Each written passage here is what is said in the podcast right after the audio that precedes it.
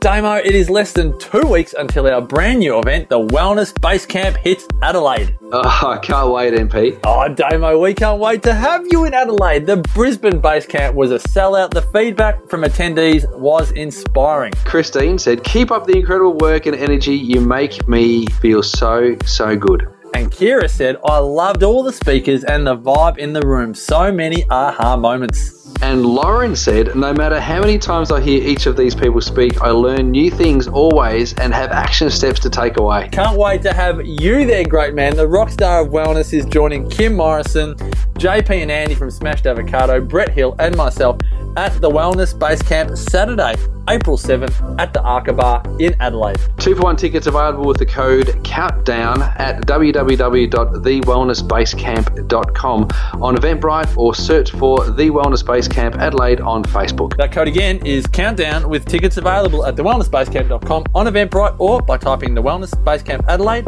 in Facebook.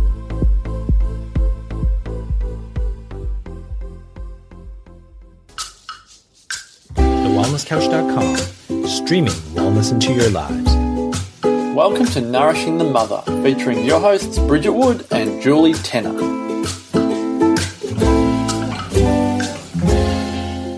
Hello and welcome to Nourishing the Mother. I'm Bridget Wood. And I'm Julie Tenner. And today we have the delicious and divine, that's what I was going for, Bree Downes, who was my doula and birth photographer, and also Bridget's birth mm. photographer. And we have her here to really, you know, talk about some really juicy stuff when it comes to birth and women and bodies and our voices and power within that, and certainly her own personal journey of that over three children. So before we jump into that, I'd just love to remind you to jump on onto nourishingthemother.com.au and on the homepage sign up to join our tribe, where once a week we send you an email with everything we've put out in the world so you can click away at where you'd love to dive deeper. And then occasionally we send you a second email that would be like a conversation Bridget and I would have between each other. So come join our tribe and jump on onto nourishingthemother.com.au. Welcome, Bree. Hi. We've called this podcast The Secret to a Good Birth. Mm. Before we dive into your story, which is really where Bridge and I are really excited to hmm. hear the wisdom, what does that mean, a good birth, for you, being a doula of so many years? You know, it's such an onion that question um, because there's so many layers, and I think it's such a personal thing because define good, right? You know, hmm. what's one one person's version of good is that the baby is alive. Mm. And the mother is alive. And they get to take a baby home. Mm. Yet for another woman, a good birth is completely intervention free at home with no care providers you know, completely empowered, doing it her all on her own, not being dictated by anyone else's policies or procedures. Mm. And then for another woman, it could be that a good birth is that the baby came out of her vagina and she didn't have a cesarean. Mm. So I think I think everyone needs to have a think about well, what is my version of good? And mm. also too that kind of leads into your expectations mm. because people will, um, women will judge their birth based on versus their expectation going in. So if they have high expectations for birth and they don't fulfill on that, then there's the potential for disappointment or trauma, uh, grief, feeling let down in yourself or let down with your body or let down with the system. Um, yet if you go in with low expectations, then you've kind of got nothing to I guess compare or measure yourself against. And I'm not I'm certainly not saying don't have any expectations. That's not the point of of me saying that, but I think um, check in. What are your expectations for birth, and where do those expectations come from? Do they come from the stories you've heard? Do they come from movies you've seen? Um, your own birth story or journey that you may have heard your mother telling you growing up? The random woman, you know, stopping you in the street, mm. telling you her traumatic birth that has never been healed properly. Mm. Your expectations of birth are going to come from what you've been exposed to. about mm. birth from a very young age. Um, so that's always, you know, a really, really good thought process and even dialogue with your partner or a friend to open up and have is what are my beliefs around birth mm. and how do my beliefs create my expectations of my mm. own experience? What did that look like for you with your own birth experiences with mm. each of your children? What was your expectations of birth? That's interesting, and I, I can see really clearly how they were different every every time. I think that first I was that classic naive mother going in the first time. Um, my body had never failed me before. I'd never been really sick before. I'd never been in hospital before. Um, I wouldn't say I was the fittest, healthiest person in the world, but you know, I felt good in my body. I felt strong. I felt capable. Um, I felt like there was no reason I wouldn't give birth. You know, my body and and my lifestyle had never given me any reason to doubt birth, and I'd I think I must have always had a fairly positive thought process around birth because there wasn't a lot I was scared of. There wasn't anything that I was really fearful of. I certainly wasn't I wasn't scared of the pain like I know some women can feel. Probably the thing for me was being scared of tearing and I can relate that back to I remember my mum saying when I was little about my brother who was born after me was that he tore her from asshole to breakfast. So It really makes me cringe even hearing. it. yeah, so that really stuck with me. Um, so I would That's so say interesting. Those comments we think are flippant. Mm. We have no idea the ripples they actually have in those children. Mm. Mm. yeah. The beliefs we pick up and Well, carry and, for a and words have such power. Mm. Well, I just remember being confused by that. I remember not really understanding what that meant, but I knew that it didn't sound very It nice. did- didn't sound like something you really wanted. But even if you don't understand on a head level, it, on a body level, Oh, yeah. I think you would mm. understand that. Mm. And on a body level, you've you've taken that in, like you've sucked that into your body as a belief, Yeah. Consci- like unconsciously. Yep. Yep. I agree. And expectations with number two. Um, expectations with number two um, was that because I'd changed my care setting and changed the external things around me, that I would have a different result. And expectations with number three. With number three, I handed over. I had no expectations. I, I, I mm. expected that I was going to be fulfilled no matter what happened because I'd done the work. Mm. So now that we've related that back to your conversation around expectations, can you actually walk us through who you were as the woman beginning your birth journey for each of your babies? Mm. And I guess what you consider to be your summary of your birth stories, because it's a pretty extraordinary story. Yeah, it is an amazing story. I I always think of my daughter's birth, who's my third child. I th- always think of her birth as my magnum opus. I feel like it's um, her birth and the journey I went on around her birth has been the making of me as a woman.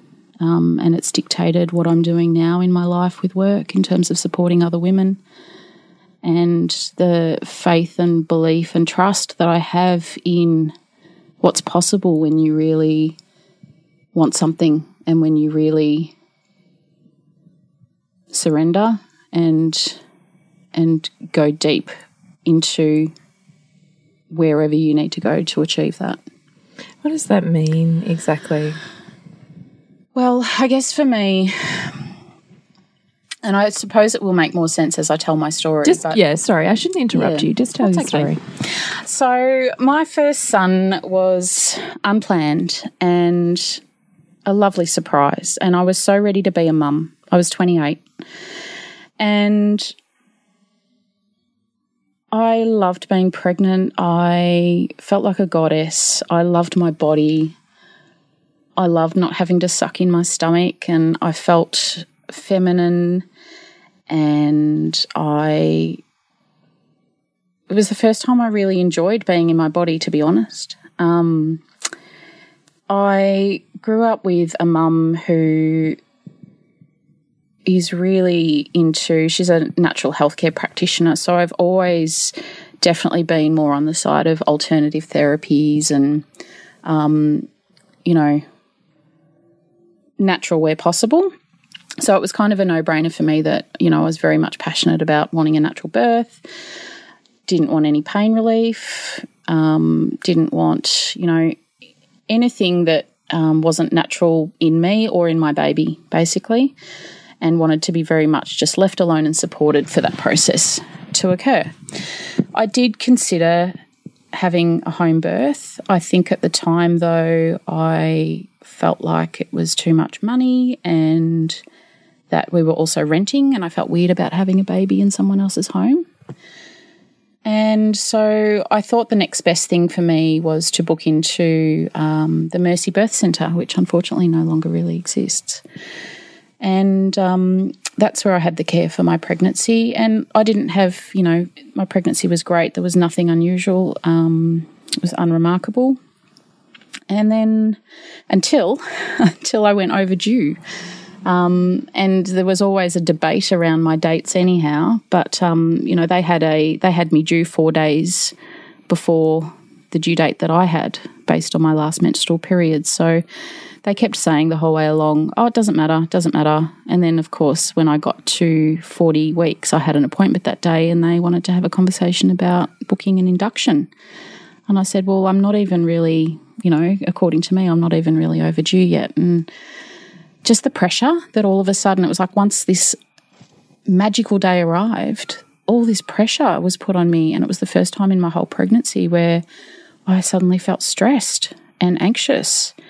And I knew that if I went more than 10 days overdue, that I wouldn't be able to birth in the birth centre, that I would have to go to delivery suite, which I didn't want to do because I didn't believe that a natural birth was possible in that setting.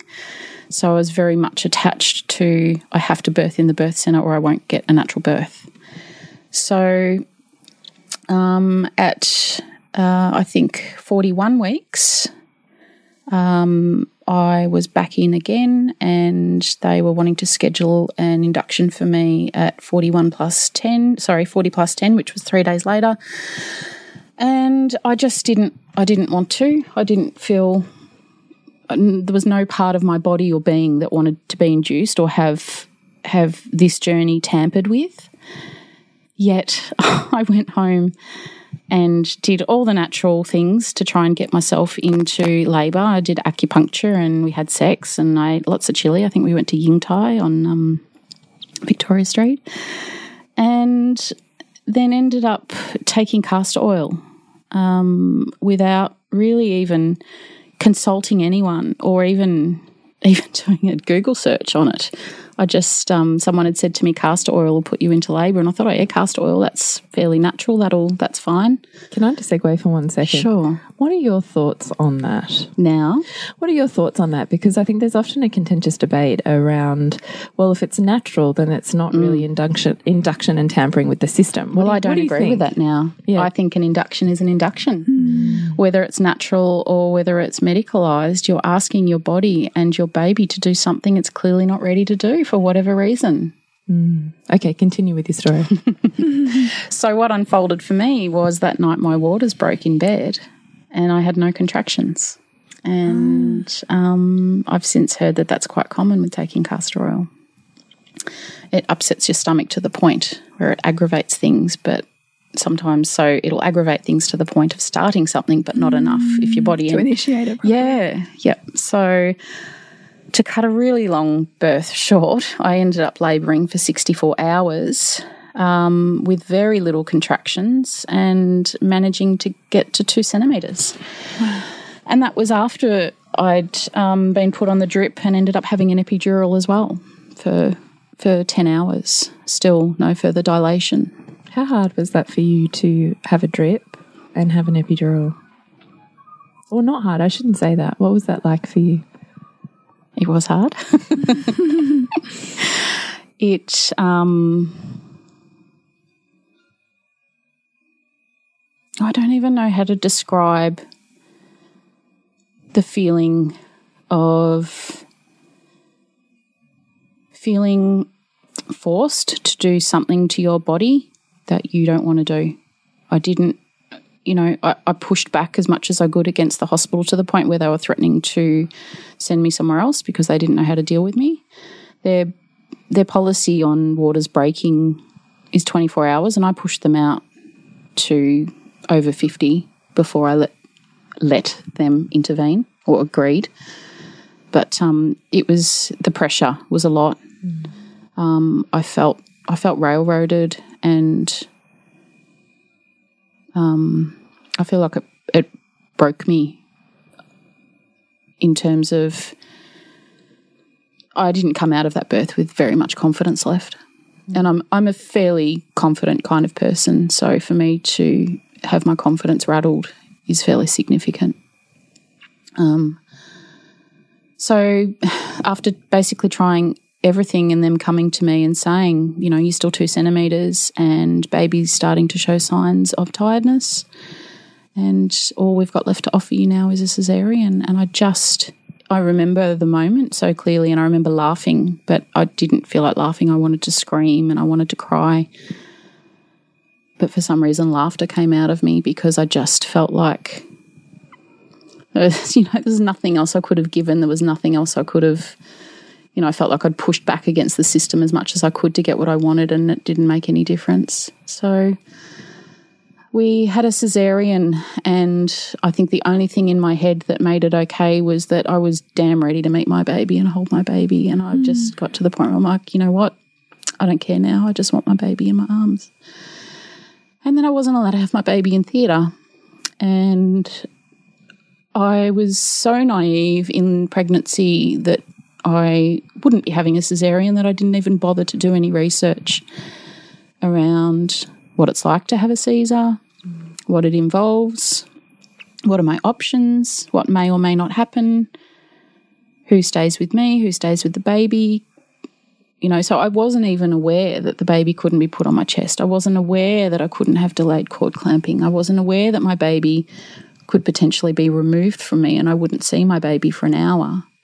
And that golden hour and that bonding and that breastfeeding would also be taken from me. And that for me was almost the cherry on the cake, I think, after having laboured for that long and feeling like I had to accept all of those interventions that I deeply didn't want to then have my baby taken away from me.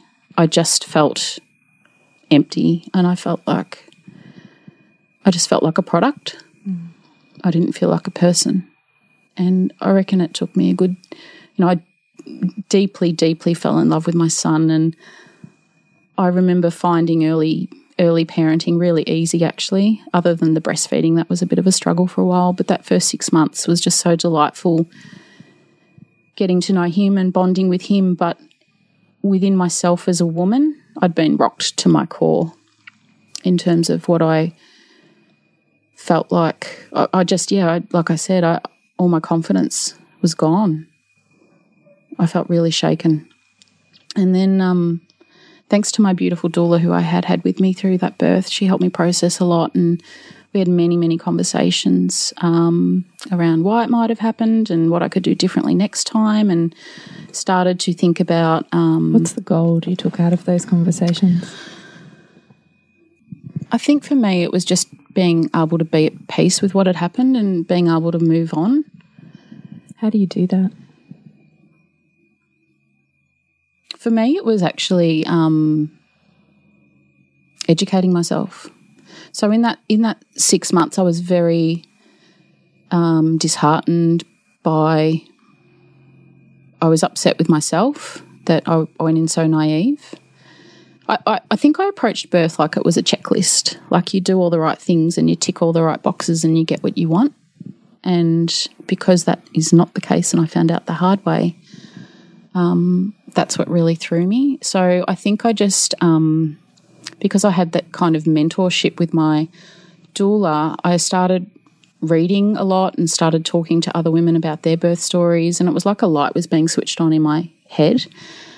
And I remember it was around six months after I had my son that I, I stopped beating myself up and I stopped feeling like my body had failed me and I stopped wondering why I couldn't give birth. And I started to see the flip side and see that um, it was the system.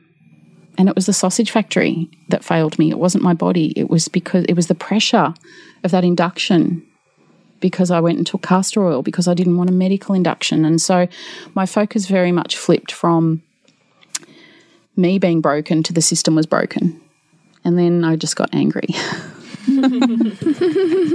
And what happens after you get angry? Well, then I made some very different decisions for my second birth. So I had a bit of a knee jerk reaction to the system and my first birth. And I thought, no, nah, this time I'm having a home birth. And no one's going to put any pressure or policy on me. No one's going to tell me how overdue I can or can't go. No one's going to tell me when my baby's coming except for my baby. And I'm going to have a birth pool and I'm going to have fairy lights and I'm going to have an independent midwife who doesn't want to do vaginal exams and isn't going to put any limitations on me. And um, I think I very much focused on the external part of my birth. I didn't do any internal work.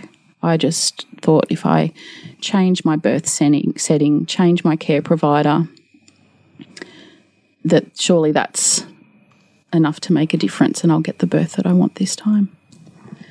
And um, my birth with my second son ended up being I went into labour on Black Saturday, which was I was 42. Which, if, you, if you're not in Australia, means what? Oh yeah, so we had um, we had a terrible fire here in 2009 in February. Um, lots of lives and houses were lost. It was pretty was a pretty horrible event. Um, and it had been after some very very hot days. So I think the day that I went into labour, it was 45 degrees, which is it's very rare we have a day that hot here in Melbourne. Um, and we had no air conditioning and planning a home birth. It was just, it was quite unbearable.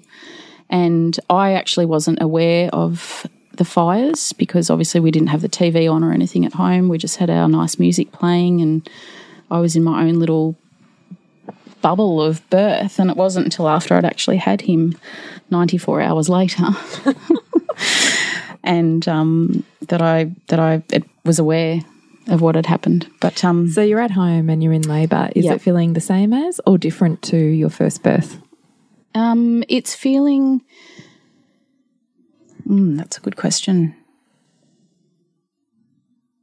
I think it's feeling the same because it's it's that really gentle stop start kind of what I would now I now know as pre labor, um, and his waters didn't. So my labour did start differently. It started with contractions. It didn't start with the waters breaking this time. So that was different. Um, but yeah, I was 42 plus three when that happened. So I kind of had already gone beyond, way beyond what, you know, the hospital system would have allowed me, especially attempting a VBAC. What do you think about that? What do you think about the whole 40 weeks, 41 weeks, 42 weeks, 43 weeks? What do you think about or just that? Well, for me, I think it's different for every woman, but for me now, in hindsight, with this particular birth, I was definitely holding on and there was definitely fear there for me. Mm. Yeah, and I don't think I was acknowledging it. I was very fearful of what if the same thing happens? What if I end up with another cesarean? So I think I was still really naive, but just in a different way, in that I think that I thought that I'd read all the right books and watched all the right movies and made all the right choices that that I'd ticked those boxes this time and that that would equal a good birth. So what happened with his birth?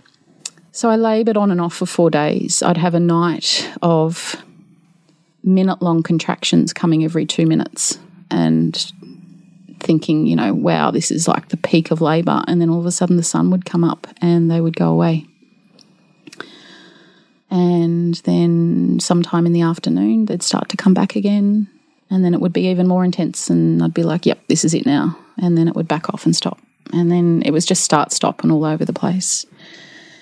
And then on the fourth morning, um, I'd had, I'd actually finally gotten in the birth pool because contractions got to the point where they were coming pretty hard and fast and they were feeling very intense.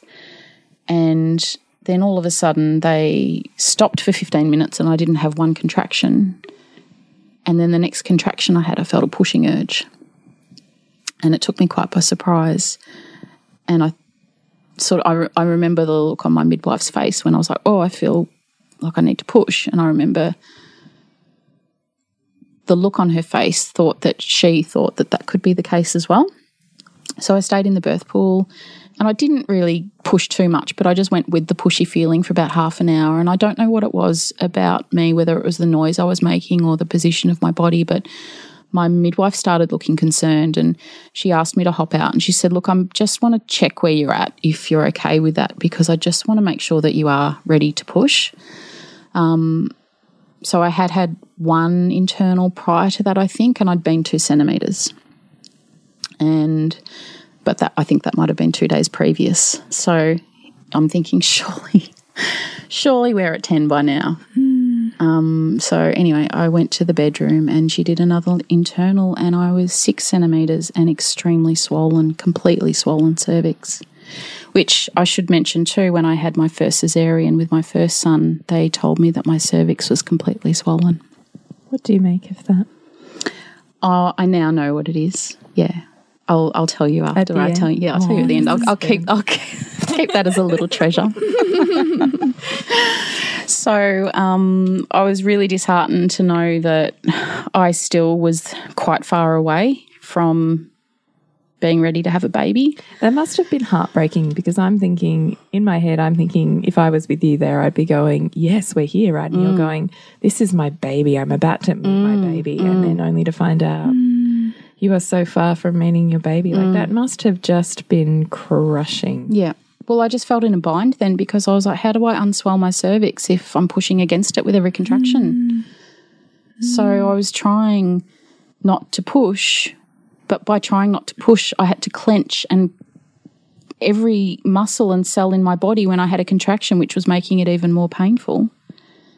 And I was getting quite distressed. Um, it had still been very hot, and I think I'd stopped eating food and I'd stopped drinking much water, and it was just, it was going downhill fast. And so my midwife had sort of said to me, Look, you know, we'll keep going for a few more hours, but if there's not a lot of progress, I think we're going to need to either break your waters and really see if we can change this up and get this on the road, or we're going to need to transfer to hospital. So I tried to sleep and relax. Um, and I tried to ignore the pushing urge with my contractions for probably another four to six hours. God, that sounds hard. That is massive. Yeah, it was pretty intense. And then she checked me, and I was still six centimeters and swollen. Wow. And I just at that moment I knew, I knew, and she she offered to break my waters, and I'd I'd actually promised my baby before I even went into labour that I wasn't going to interfere with the process. I didn't. I felt like if my waters were meant to meant to break, they would, and I didn't. I don't know why. I just didn't want to interfere, and I was also feeling very done, and so I made the decision to transfer to hospital, and. So we drove all the way into the women's because at that time the women's were the only hospital taking home birth backup. We live out in the hills in the Dandenong Ranges, so it's about an hour drive. Um, and we got there just before midnight, and I just said to them, "I'm done. I need to. I need to meet my baby now." And they said, "Oh, well, if you're tired, you know, there's something we can give you for that, and we can keep going."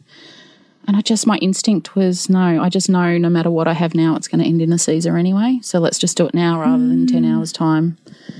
Um, and I looked at my midwife and I said, Do you think I'm being silly or making the wrong decision? And she said, No. She said, If this is your intuition, you follow it. So I actually called at that time and I said, No, I want a cesarean.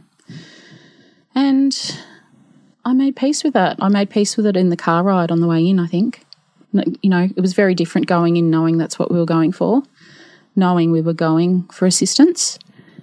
And I'd also actually written, I'd written them a letter in my um, birth preparation just in case that did happen. And I just sort of worded it saying that you know, if, if I'm here and you're seeing me, that this is what's happened and this is what I've come for. And I need you to know that um, this is not what I wanted and I'm heartbroken. And I need this to be peaceful and healing and nurturing. And this is what I want. And I want X, Y, Z. I want, you know, I want minimal talking unless it's about the process. I want you to explain to me what you're doing. I want you to tell me before you show me my baby that you're about to show me my baby so I can prepare myself. Um, and, you know, I explained in the letter that I'd not had a great experience last time. I said, under no circumstances is my baby to be removed from me. I want skin to skin. I want to be able to initiate breastfeeding in theatre or in recovery, whatever's, whenever's quickest. And they were beautiful and they pretty much honoured everything on my, in my letter that I'd written them. And I think that, I think that it was just the way that I worded it because it was just so heartfelt that they, they were just so gorgeous with me. They really, um, I don't know if I lucked out and got a great team or what it was, but they were just really, really nurturing, and it was exactly what I needed. And it was such a different experience that time um, because I consciously chose to make it beautiful and I felt supported and nurtured, and I felt like I'd, it was my choice. I wasn't pushed into it. And then my midwife, interestingly, came back to the hospital the next day to see me, and we walked down. It was the first time I got up out of bed after the Caesar, and we went down to the cafeteria um, just to get a drink or have some space. And she said to me, um, "Do you do you feel like there was anything more you could have done?" And I instantly knew straight away. I said, "Yeah, I could have done the work on myself. All those thoughts and feelings and things inside of me that." I think, oh, I don't need to think about that. That doesn't have, that's got nothing to do with it, or I don't need to go there. Let's just push that down a little bit further. All that stuff. That's where I didn't go, and that's where I need to go. That's a pretty quick turnaround for you to get conscious about what has been previously unconscious. I think that I knew because I, I it, it clicked very quickly for me that it was no longer about care provider or setting. It wasn't like I got that it had nothing to do with the external things for me. Birth is you. Yep. That it had to come from within me, not from outside of me. And I knew, I knew I hadn't done the work I needed to do. I had a hunch through his pregnancy, but I was still too scared to go there. Why were you too scared? Um, I think I was scared of pain and shame and relationship breakdown, dragging things up that I've probably spent the last 10, 15, 20 years pushing away. Mm. That just felt really overwhelming to go there, especially when you're an emotional pregnant woman. Mm. So now I'm on the edge of my seat. What work did you do?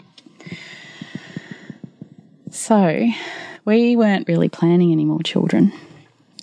And um, we'd just come back from Thailand and I'd met you by this time. We were in circle with Rhea by yeah, this time. yeah, yeah. So, had little so baby literally three weeks after I'd had my second son, I started my doula training with you, Jules. Yeah. So it was it was the year 2009 when I did my doula training, and I reckon it would have been around October. And um, we just got back from Thailand, and my husband and I had a conversation on the couch because I said to him, I don't actually want another baby right now. Like I couldn't think. I think Reef was only seven months old, um, and I very much felt like I hadn't healed from his birth physically, and um, I was definitely not thinking about having another baby. But I could feel this little soul sitting on my shoulder, and I couldn't. Like, as much as I tried to ignore it and tell myself I was being stupid or I was playing mind games with myself, it just got louder and louder and louder. And to the point where I had to say to my husband, Look, I know I'm not telling you I want another baby. I'm just letting you know I can feel there's another being there for us at some point. And he said, Well, I don't know if I want any more kids. And I said, So are you saying no? And he's saying, No, I'm not saying no. I'm just saying, I'm just not saying yes either. I'm just saying, can we just shelve it and talk about it like in a year or two, you know, once we're settled and we've got our head around having two. And I felt fine with that. So I was like, yep, great. And then that weekend, um, that weekend was his birthday, and we went away for the weekend. And I know my very first sign of pregnancy is I get vertigo. And we went away, and I had vertigo all weekend. Oh, and I should also say, I was still exclusively breastfeeding my son, and I also had a IUD in place. Oh my God. So on our way home that weekend, I said to my husband, Can we just stop at the chemist on the way home? And he said, What do you want to stop at the chemist for? And I said, oh, I just need to get something. I couldn't even tell him what I was going to get because I thought, I just, I'm not even going to tell him that I'm having these thoughts. so I snuck in and grabbed it and hid it in my bag. And then the next morning, I did the test when I woke up and I nearly fell off the toilet when it came up with two pink lines. I was just like, I don't even understand how this is possible. And I was in so much shock. And it must have been written all over my face because I walked out into the lounge room and he was sitting on the couch with our sons. And he just looked at me and I didn't even have to tell him. He just went, no. And I went, yep. it was just, wow. yeah.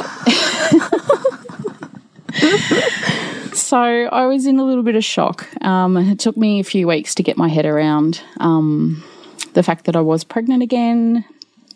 And I just felt completely confused about what to do because I've got one hand, I'm right in the middle of my doula training and I'm more passionate about natural birth than I've ever been before because I know the most I've ever known. And yet here I am not even healed from my previous second cesarean. And I just think, you know, I know that there's that concern over um, scar rupture and stuff like that if you haven't had enough time to heal. And just no, also, I think the big thing was I knew what I had to do. I knew what I had to do to have this baby. What was that when you when that when that landed for you? What was the feeling? I felt sick. Mm. I felt very confronted. And I went and met with a potential midwife who did me the best thing, best favour ever. She said to me, I'm not going to take you on until you've gone home and seriously considered having an elective cesarean. And I felt equally as confronted about that because I just, for me, I wasn't giving myself that option. That was almost mm. like I wasn't a possibility for me because I was just being quite hard headed about the whole thing. So that was such a blessing for me because I agreed I agreed to go home and consider it. And I did go home thinking, you know, it's all the judgment that is attached to having, you know, an elective cesarean. I had to let go of all of that and go, you know what, I haven't physically recovered from having had two Caesars. And um, who knows whether I'm going to need a third one or not. And I gave myself permission to consider having an elective Caesar, basically. And that wasn't something that I'd ever given myself permission to think of before. And then I sat with that for a few days. And where I got to was that me being the type of woman that I am, is that if I had have just gone in for an elective cesarean, it would have eaten away at me for the rest of my life, wondering if I could have, like, if I had have tried, would I have done it? And I would have always wondered if I had robbed myself of an experience. And so, on that basis, I decided that it wasn't an option for me to choose an elective cesarean, but that if I'm not going to choose that, then I have to choose to do the work. And I have to choose to take full responsibility for my pregnancy, my body, my birth. And I have to show up and give this everything I've got so that if I end up with another cesarean, that I've got no regrets and I've got nothing that I'm coming out of the birth going, I wish I had have done this, I wish I had have done that, I wish I had have said this. Nothing. Like I had to take it on in a way that was terrifying. But for me that was that was the only way. Because I knew that if I approached this birth like I had the other two, I knew I knew what the outcome would be. So what did you do? So, um, I actually sat down and I got out the good old Rhea Dempsey butcher's paper and some texters. And I just started, I had so many thoughts and ideas and feelings in my head and my body, and I just needed to get them out. So I started to draw and doodle and just write down words, write down things all over this butcher's paper. So, feelings that I was having, um, thoughts that I had in terms of what I needed to do um, during the pregnancy. And then I realized when I sort of sat back and looked at my, this, you know, big bit of paper that I had there, I realized that nearly everything that I'd written down could be categorized into either emotional, mental, physical, or spiritual. And then I went, because I'm such a list person, I went, all right, I'm going to do a list. So I did the four headings emotional, physical, mental, spiritual.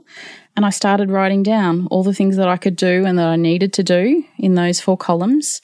And I ended up with a pretty big list. And I also ended up with lots of things that were in more than one column. And then I turned that list, and then I thought, well, that's very clinical. I don't want this list just stuck up next to my bed. Let's make it beautiful. So I then turned it into this gorgeous piece of artwork, which I called my pregnancy map. It was a bit like a mandala, where it was very colourful, and I had. Um, you know, it was sort of broken up into four quarters. So one quarter was physical, and I'd have, okay, walking, yoga, swimming, massage, sex, anything physical that I could do to prepare for this pregnancy. And then in the emotional section, I had counselling, um, communication. So committing to being in communication with people if I had feelings coming up. Um, what else did I have on that list? Journaling. So I was doing some like that free writing where you just write whatever comes out. Um, crying, giving myself permission to cry. Anything that I felt that was going to nurture, nourish, or support my emotional needs through this process, I put on that list. And then I did the same with the spiritual and the same with the mental. And so I can't remember all the things that I did in that pregnancy, but I did a lot. And I remember my husband being very shitty at how much money it was costing us. but um, How did you justify that in your in your mind? Well, for me, I, I had to. I, it was either that or I just go have an elective Caesar. There was no middle ground for me. I don't know. Was this the first time you'd kind of stepped up in your worth that you were worth this? Yeah. Yep. Yep. And was that because you had a really clear definition of where you wanted to go and you'd traveled a journey of where you'd been and you knew the gap there was the worth and that's what you were working on? I actually feel like my daughter, this baby, came to me to give me the gift of this work. I f- very much feel like she came to say, do the goddamn work. Does she still say that to you? Yeah. So what happened with her birth? So also, can we just side segue here mm. that this is you're going for a home birth, vaginal birth after two Caesars. yeah. So, Would that even exist in today's climate? no, unfortunately, it would be very rare for a woman to find someone who would be willing to support her to have a home birth after two cesareans. Um, I know some women um, that would free birth and attempt that. Um, for me, that wasn't an option. I very much, especially with my cervix that swells up, and um, I just, for me, I needed someone there to care for me. I very much needed that nurturing person to take care of me so that I could unravel. Um, but unfortunately, um, I don't. I don't think midwives are able to attend home births anymore for a woman who's had two previous cesareans, which is it's a little bit heartbreaking to know that you know what was available to me is no longer available to women. Um, I feel incredibly lucky that I had my daughter when I did, and that I wasn't forced to either go to hospital where I didn't feel supported, or free birth at home where I wouldn't have felt supported. So Um, I feel very blessed that that was an option for me, and my heart breaks for women who are faced with that conundrum these days. So back to Naya's birth. So after all the work I did in her pregnancy, so I I, I had counselling, I did body work, um, I was running on a treadmill, I ate really well, um, I did a lot of writing, and it was a very cathartic process. A lot came up. I had lots of conversations with my husband that were very uncomfortable. That So that's my recollection of that as well, was that you really traveled some big stuff in your relationship doing that journey. yeah, yeah, yeah, it was pretty massive for for us and f- for me. I think. And you just really stuck to your commitment Yeah. to showing up. Yeah, yep. How did you do that in the face of, of what has previously been too scary for you to go to? It was almost like that this thing just came over me, and I don't know what it was, and I don't know if it if it was my daughter coming through me, but it was almost like I was possessed or like I'd been taken over, and I couldn't do anything other than throw myself 110% into this. Hmm. I think it was just that mindset, that moment when I when I decided I couldn't choose an elective cesarean. I also couldn't choose to go through labour like I did again. You know, and that was something again my midwife said to me. She said, you know, we're going to do it very different this time. I'm not going to let you labour for four days with no progress. We're going to call it earlier than that. She said, I'm going to ask you how long is too long for you to labour, and you're going to make your own time limits. And I actually found great power in that, in putting restrictions on myself so that I'm not just there labouring for four days with a swollen cervix and nothing going on to actually take control. So rather than being a bit of a passenger on the birth train, actually going, no, this is where it's going to go. And if it's not by this stage, by this time, then we're going to intervene. Which is still being the captain of that train. Absolutely, because it was my choice. Yeah. And I felt like that was empowering me too. So, um, surprisingly, I didn't go too overdue with my daughter. It was only two days over her due date. Isn't that interesting? Yep. Hmm.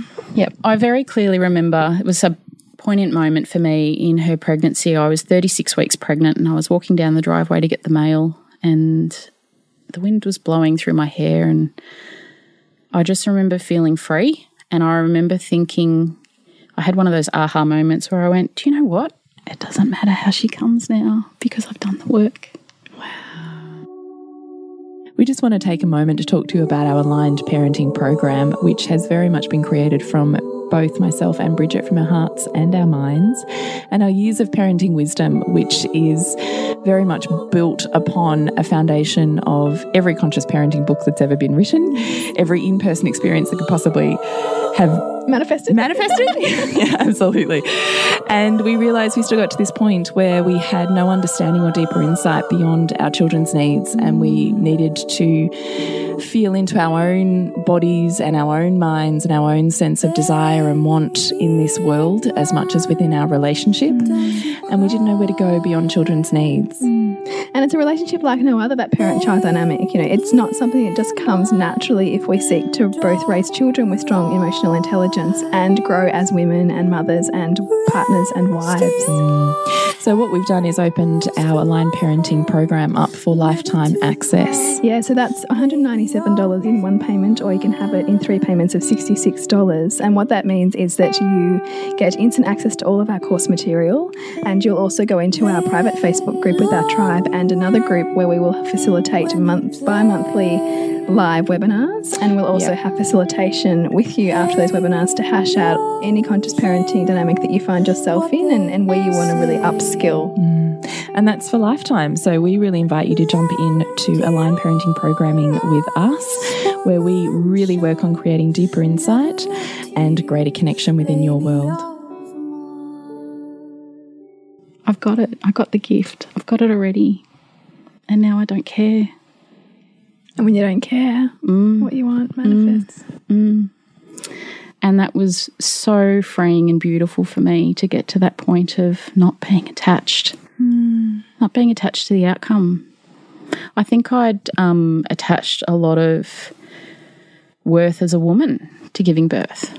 you know, if I can't give birth, then I'm a dysfunctional woman because our sole purpose is to birth babies, right? Hmm. If I can't even do that, then what does that mean I am? And what does that mean my purpose in this world is? I don't know, like on a very, you know, basic level. Hmm. Um, I think there's fairly existential conversations there. I think, like, we even interviewed Natalie Lejeune, hmm. um, and she was saying the same thing in all of her research and work, body work with women post Caesar, that there was this real existential hmm. feeling about that. Yep, absolutely. Well, I felt like as a primal mammal, my core reason for existing was dysfunctional. And that just felt very um, wrong, for want of a better word. All right, come on, Bree, we're 36 weeks now. What happened? Anyway, so two days past my due date, and I woke up with contractions, and it took me by surprise. I was like, nah, this can't be, this won't be labour. This will just be like, Was it was there more power in these contractions than what you'd experienced before?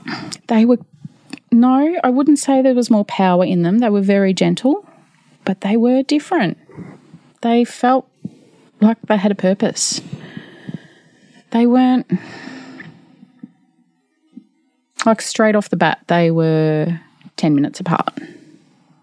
There was none of this one every 30 minutes and then every 5 minutes and then every 10 minutes. They were 10 minutes apart and and they were nice. So I just spent the most beautiful day in pre labour with her.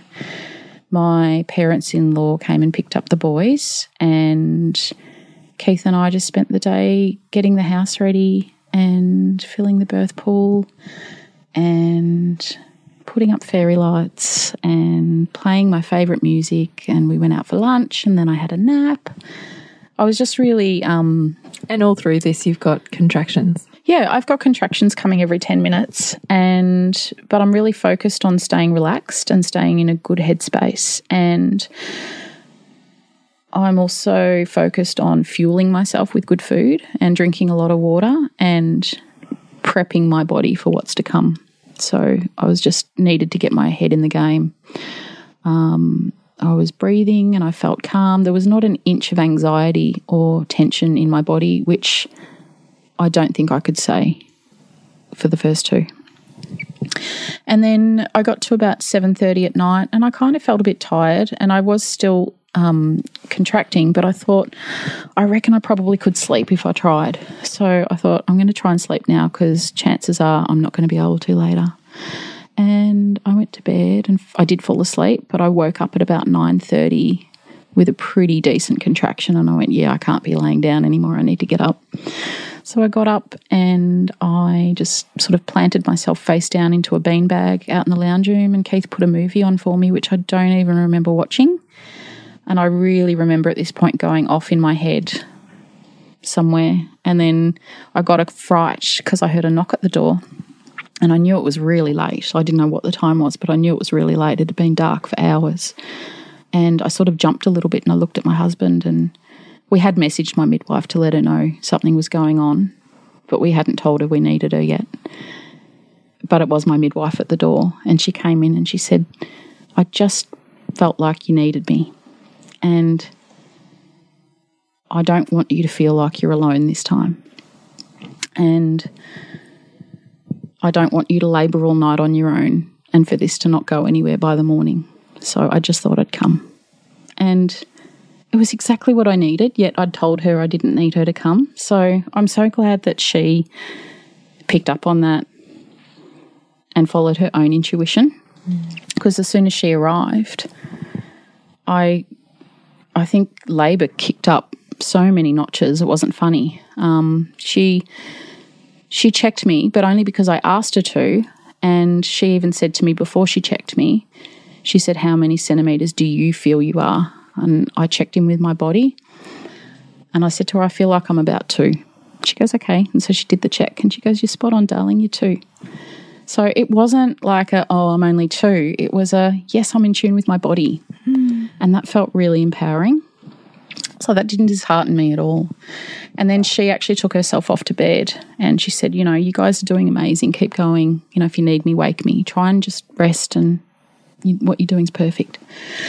So she went to bed and this was all around 12:30 1 a.m. And then at 2:30 a.m. I got up to go to the toilet and while I was on the toilet I got that pushing urge again that I had with my second labor. But it's not a good like now that I know the difference it's not a good pushing urge. It's a I know this sounds terrible, but it's the only way I can describe it. It feels like your vagina's vomiting. Um, and it just didn't feel right. And I knew something was wrong straight away. And in my head, I just went, oh, here we go again. And I just knew my cervix was swollen again. And so I called out to my husband and I said, Can you please wake Fiona? I need her. And he got her to come in. And I said to her, I've got the pushing urge, but I, it's something's wrong. I know it's too early. I'm worried I'm swollen again. So she said, All right, darling. She said, Well, hop off hop off the toilet and I'll check you and we'll see what's going on. So she checked me and I was right. I was swollen and I was four centimeters. And I gave up a little bit in my head at that point, thinking, well, why don't you just put me in the car now? Let's just transfer now. Let's not waste any more time. Let's just go. And she said, Listen, we've come to a fork in the road. And she said, We can actually do things here. We don't just have to give up and go to hospital. She said, I could break your waters and we could see if that makes a difference by getting that head right down on the cervix. Or, you know, we could try a few other things. And I was like, All right, okay, let's break my waters. Let's do it. And I needed to pee again. So I went back to the toilet. And she said, I'll just go, I'll just go get my hook out of my bag, have that next contraction on the toilet and then come out and we'll do it. So I had the next contraction on the toilet, my waters broke. and again, I felt like it was just that that's what brought me back to trusting. So I'd been thrown a little bit by getting that pushing urge and really got sent into a bit of a spin in my head with that. But then when my waters broke, then I just went, okay, baby, I trust you. You know what's going on. So I just came back into that and I just called out to my midwife, my waters just broke. so that was amazing. Um, and I got off the toilet and I went out, and the next hour or two were incredibly hard. So, contractions were then coming hard and fast. I can't even remember how often, but they felt like they were rolling on top of each other and I couldn't stop the pushing urge. And I was starting to get a little bit distressed because I knew I shouldn't be pushing because it would swell the cervix even more. And luckily, Fiona realised that I was starting to get a bit distressed. And so she called Rhea, who was my doula, to come. And Rhea arrived. And between Rhea and Fiona, my goodness, what a team. Rhea had me doing this ha ha hoo ha ha hoo breathing. Fucking hate that, bro. It was the only thing that could stop me from pushing, though. Um, oh, 100% believe it, but I remember yeah. how hard that is. Yeah, yeah, yep, yep. So I was doing this breathing while I was contracting to try and stop me from pushing, and Fiona put ice on my cervix. How was that as an experience? I actually didn't feel too much. I didn't. I, The swelling could have been big enough that you wouldn't feel it anyway. yeah, I, I was expecting it to feel completely weird, but it it it didn't, and I don't know if it had half melted by the time it got up there anyway. But um, anyway, and she gave me some homeopathics, some Nux vomica, and um, Why Nux Vom? for swelling, I think. Oh, okay. I'm not sure.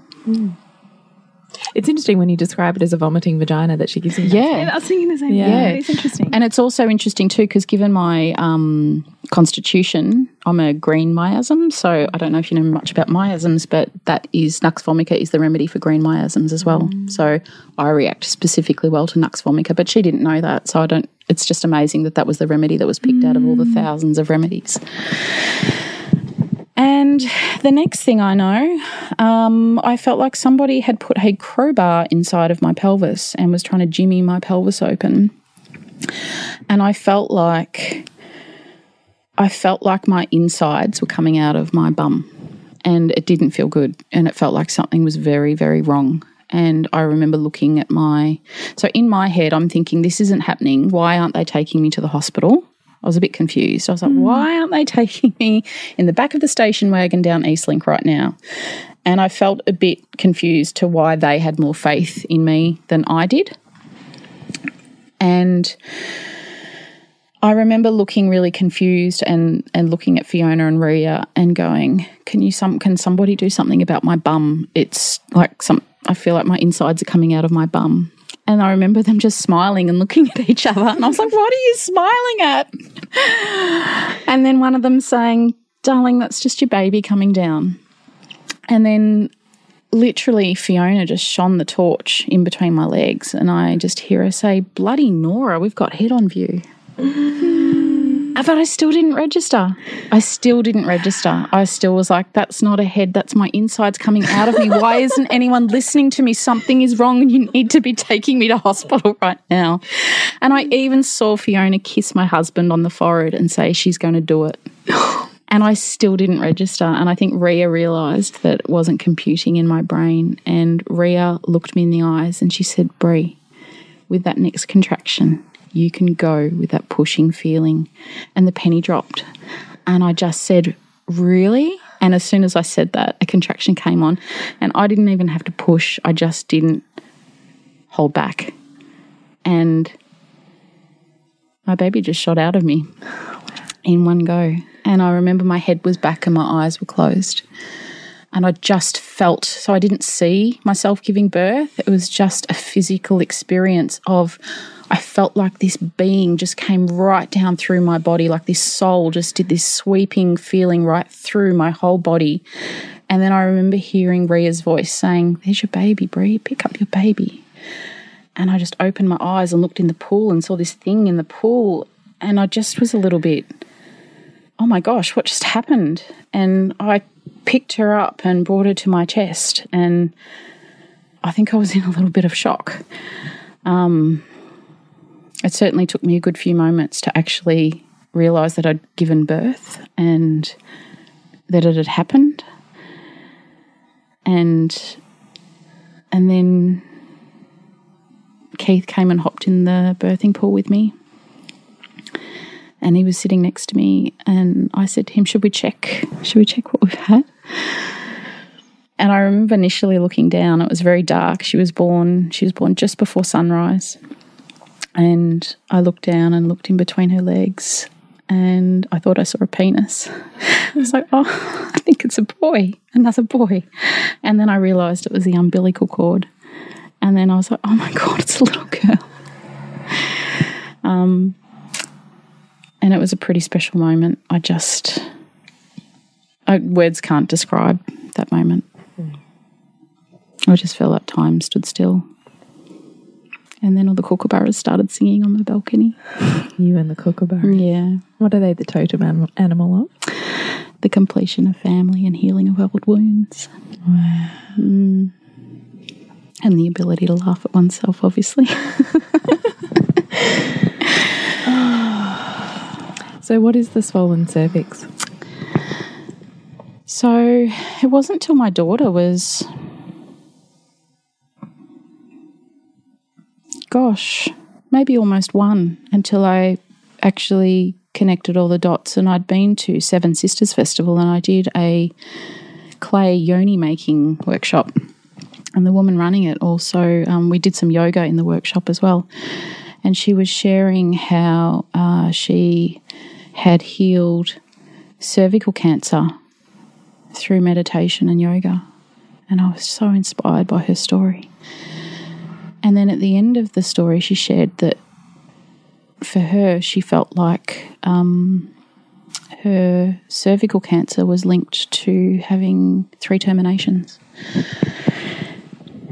And the penny just dropped for me. I had actually had three terminations before my children as well. And I just suddenly went, my cervix was saying, fuck off, don't touch me. It had been tampered with, it had been disrespected. It had had someone's energy in it, touching it that it didn't want. It was hurt and it was grieving. And it had stopped trusting me. And it's defensive and it swelled.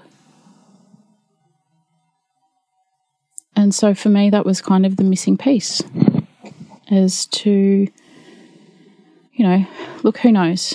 Um, It was the layer of wisdom you received Yeah. at the time. Yep.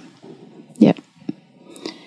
I think as I've gone along, you know, my, my daughter is now almost eight and I'm still getting things, you know, with every birth I attend, with every woman I share this journey with. Every time I share her story, I still, there's more wisdom there. It keeps unraveling, and I think it always will. Um, and that's what I love about birth stories is there's gifts and there's life lessons and there's learnings in them that, you know, the more you share them and contemplate them and stuff, the deeper you can dig and the more wisdom and growth you can get out of them. It's the crone's journey, though, isn't it? Like you seek the crone out when you're on the verge of life and death. And Yeah. birth is both those journeys. Yeah. And so you call in your crone, and I just think you, as a doula, are that soul that, you know, is the keeper of that wisdom. You know, you are the old woman who is on the outskirts of the village who people seek out in those times of life and death, literally to connect with their own crone, you know, their own inner guidance and wisdom. And mm. I think it's a really sacred journey that, that you take women on. I really do. Thank you. I always trouble mm. coming out of birth stories. Yeah. Bridge, what is, is there anything you want to ask Bree at this point? I just think it's your story so beautifully illustrate the depth of inner work that birth asks us to go to mm. in order to show up. Um, and I and I still, you know, like two births in, still know that there's places I was too scared to go, hmm. which is why I ended up having home birth transfer and why I created, you know, in inverted commas, preeclampsia. Hmm. You know, I, I'd have no doubt that it's that there's areas of myself that I was too afraid to go to. Hmm. Did you really resonate with that aspect of Bree's story? Yeah, absolutely. Yeah. What Yeah. part did that speak to within you?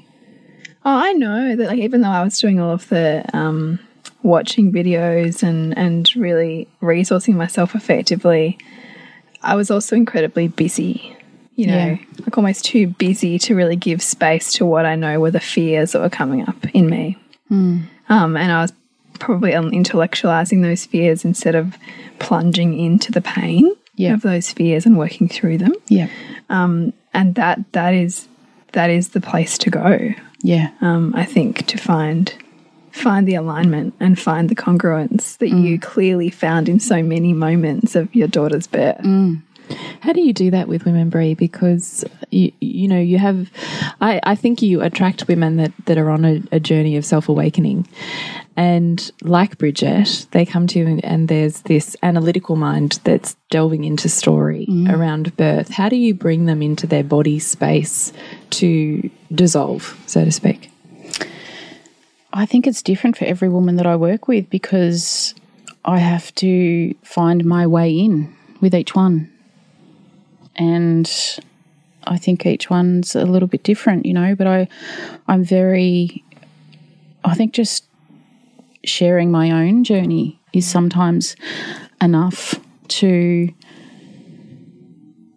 to plant that seed with women. And um, I very much, when I work with women, come from that spiritual, emotional, physical, mental, and I present all four of those options to approach birth from. And I encourage them to think for themselves around, well, um, what is my birth map, or what is my what is my story here? What do I need to work on? Um, so I can plant the seed. It's that old story of you can lead a horse to water, but you can't make it drink. You know, so I very much plant the seed in a loving and gentle, gentle way, and um,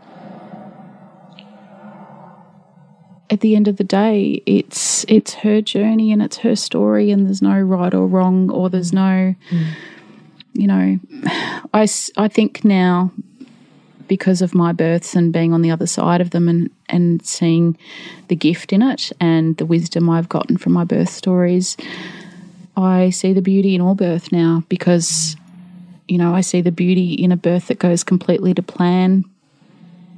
I love seeing birth unfold in the textbook way. Um, and the woman, you know, completely ecstatic. But I also love seeing a woman who's been challenged and gifted something from her baby to work on to become the mother that that baby needs.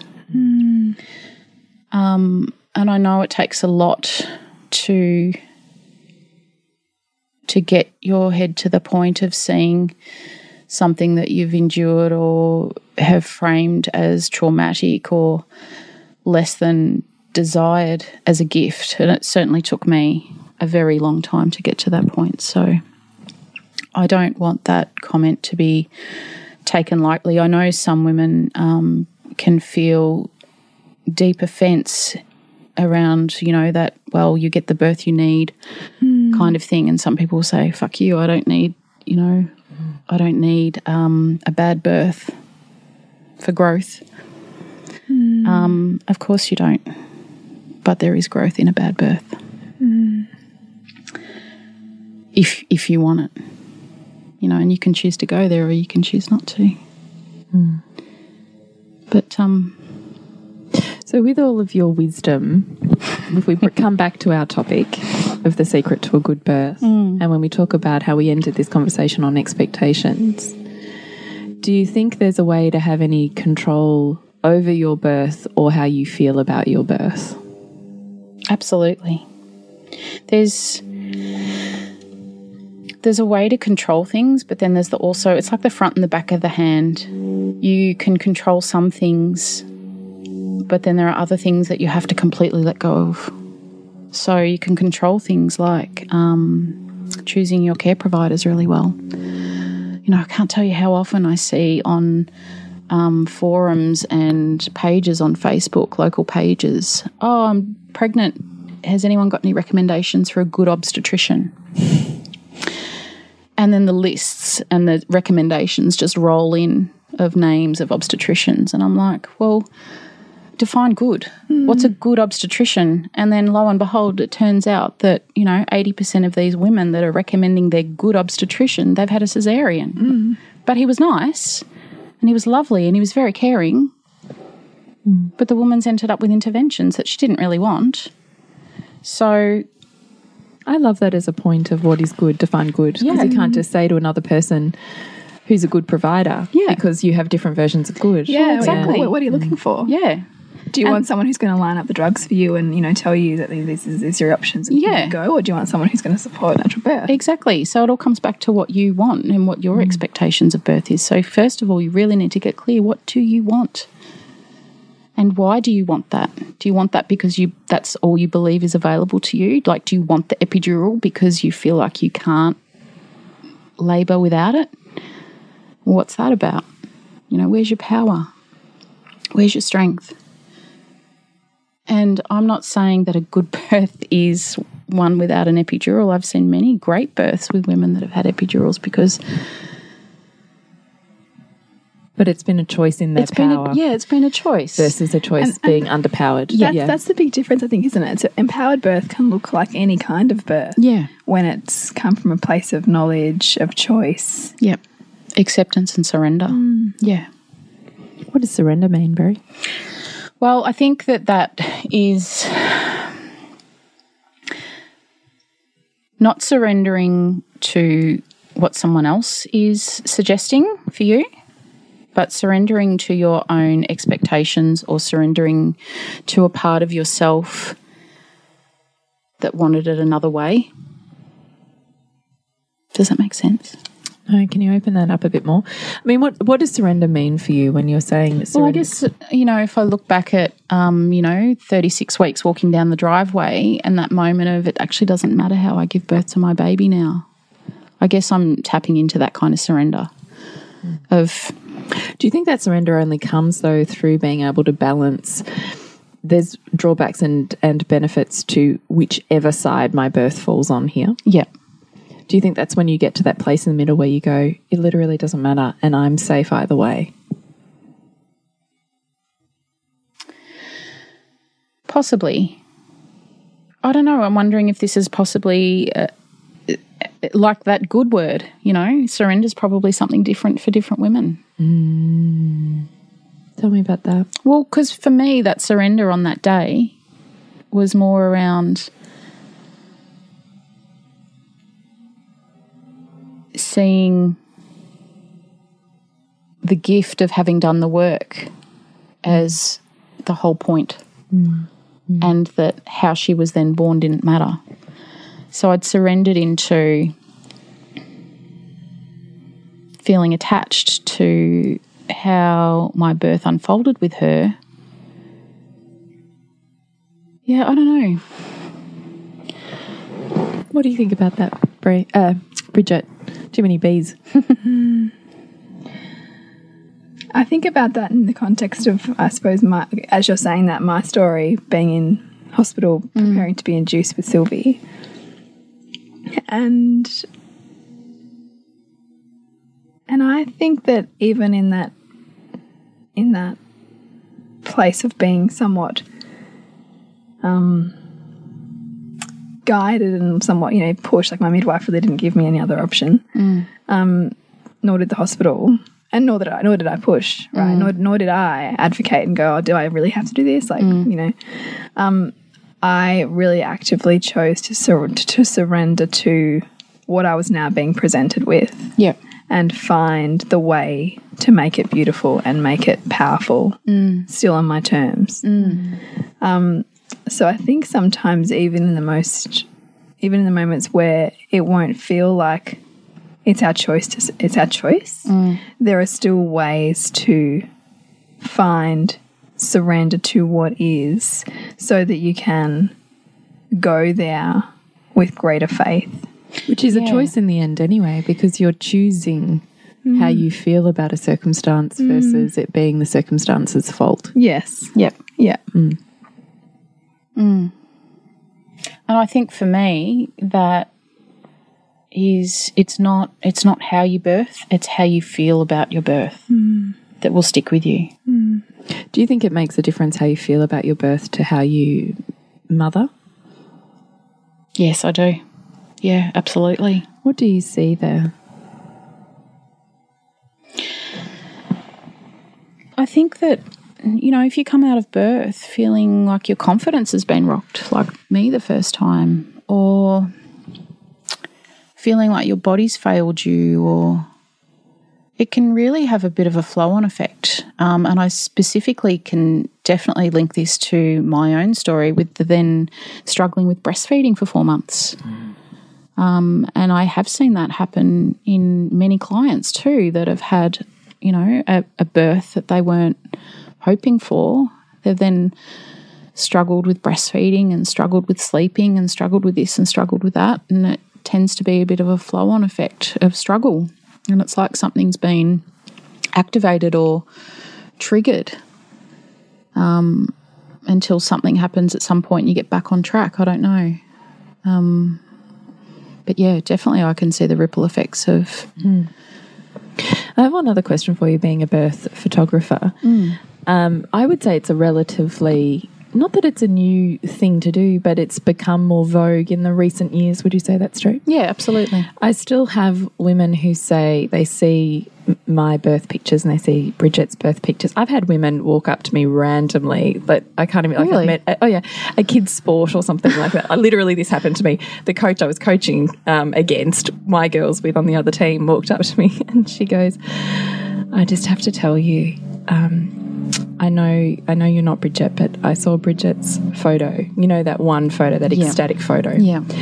and she said I had that photo in my in my mind and it was all I could think about in my third birth when the going got tough and I thought I was going to have an out. I was going to take the epidural and get the fuck out of here. And she said all I saw in my mind was that photo of Bridget oh and I said to myself if Bridget can do it I can do it. Wow. And she did it. And so this woman was like coaching with me. We're like having these birth chat as these girls are playing basketball on the court. And I just thought, wow. That's the ripple. You know, this is the power of imagery, right? And I don't know about you, Bridget. I'd love to hear from you, but I look at my photos that you took um, with my fourth with Gwen, and I am just transported to those moments emotionally and spiritually and physically that you kind of over the years if you don't have those direct direct photos they vague out and you you kind of almost don't mm. remember the exquisiteness of them. Yeah. And yet I have women who say to me, Oh, no, my husband doesn't think that's a good idea. Oh, no, we think they'll be in the way. Oh, no, my doctor said, Why would you? Yeah. Um, well, and also just, yeah, but also, like, but it's interesting though, isn't it? Because these are the conversations women are having. Or this part of, Look, I, I want it. but I'm not really willing to pay that much for it. Or why would you? I just would really love to hear your version of why. Mm. Why would you have birth photography? Mm. Oh my gosh. It's the day you meet your child. Like it's the first time you lay eyes on each other and you meet this little soul. It's the most memorable day of your life. Far greater than your wedding day. Mm. Far greater than your 21st. And we, as a society, we have those moments captured. Why would we not have the very first meeting of our baby captured? I think a lot of people, I think there's misconception. I think a lot of people think that birth photography is like crowning shots and camera between the legs mm. and all of that. And it's sure, sometimes it can be if that particular client wants, you know, emergence photos. But I find probably 80% of the time I'm mainly capturing the woman labouring and I'm mm. capturing what I love is showing the woman her photos after her labour and hearing all the things she says, like, I don't even remember that. I don't remember doing that. Gosh, I don't remember being in that room. I don't remember this. I don't remember that. And it's just, it highlights to me just how much we miss and we forget from our births because what happens to a woman in birth is she goes back into her primal brain. So her thinking, her front frontal lobe or her thinking brain shuts down and she goes back into her primal brain. So she's really not present. She's not um, she's not in the room. She's not engaging in conversation. She's not aware of time. So hours can slip by and she's not even aware. It's almost like you're in a dreamlike state. And um, I think too, I love that saying. Is it Ina May Gaskin who says if a woman doesn't look like a goddess in birth, someone isn't treating her right? Oh, man. And I just, I see the goddess in the women when they are labouring, and I just like the beauty that is just oozing out of I them. I see that in your photos. Oh, I just have so much uh, reverence. Yep, There's, thanks. it's, I love it's that just word. the full spectrum of the feminine. Like Yeah. just every, just the enormous richness and depth. Yeah, The other thing I really notice in your photos is they capture a lot of relationship. Mm. You seem to capture the feeling versus the um, physical experience, if you like. Yeah. The feeling experience of One of your most beautiful, there's an incredible picture that you captured of Jules and Nick. And there's also a really beautiful one that I mm. love that you got of Mark Snow where he's standing just behind mm-hmm. me with his hand on his heart, like mm-hmm. watching me on the ball. Mm-hmm.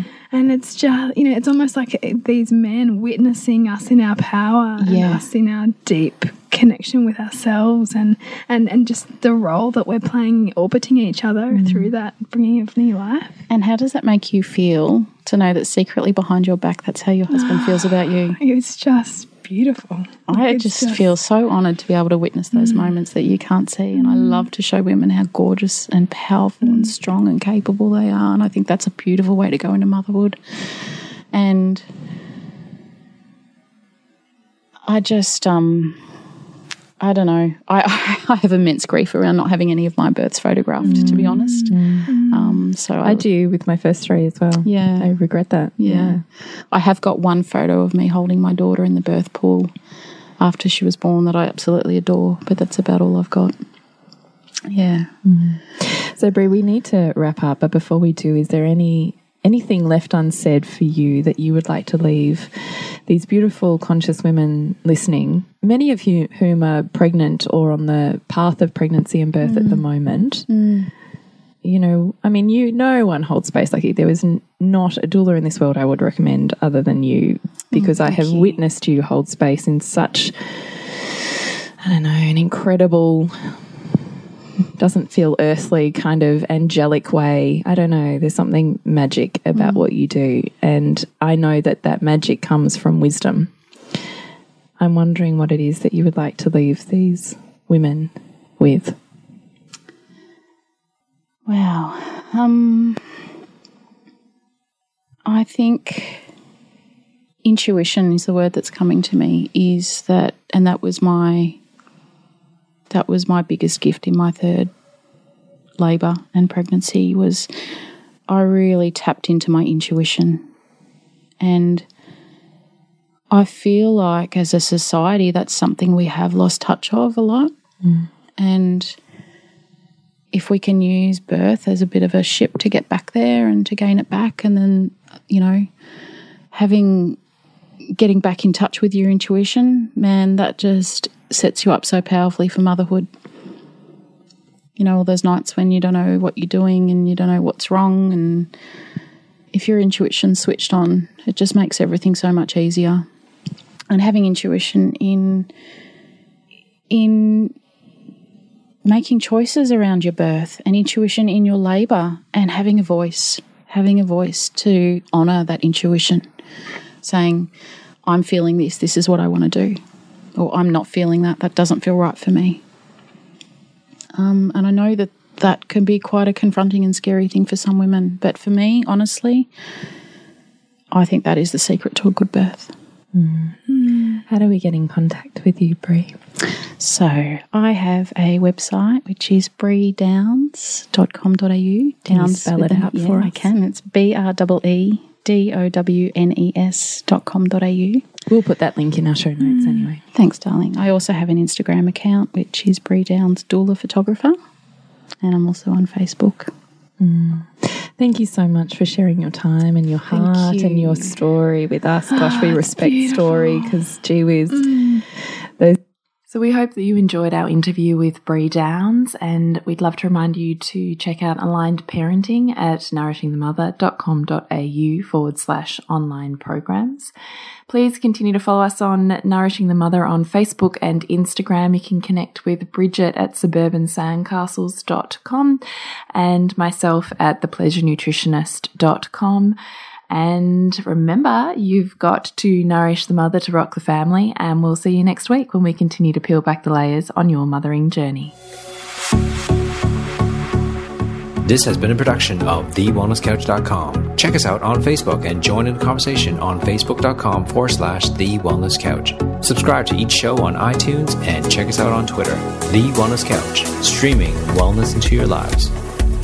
Whilst the Wellness Couch presenter endeavor to provide accurate and helpful information to their listeners, these podcasts cannot take into account individual circumstances and are not intended to be a substitute for health and medical advice from a qualified health professional. You should always seek the advice of a qualified health professional before acting on any of the information provided by any of the Wellness Couch podcasts.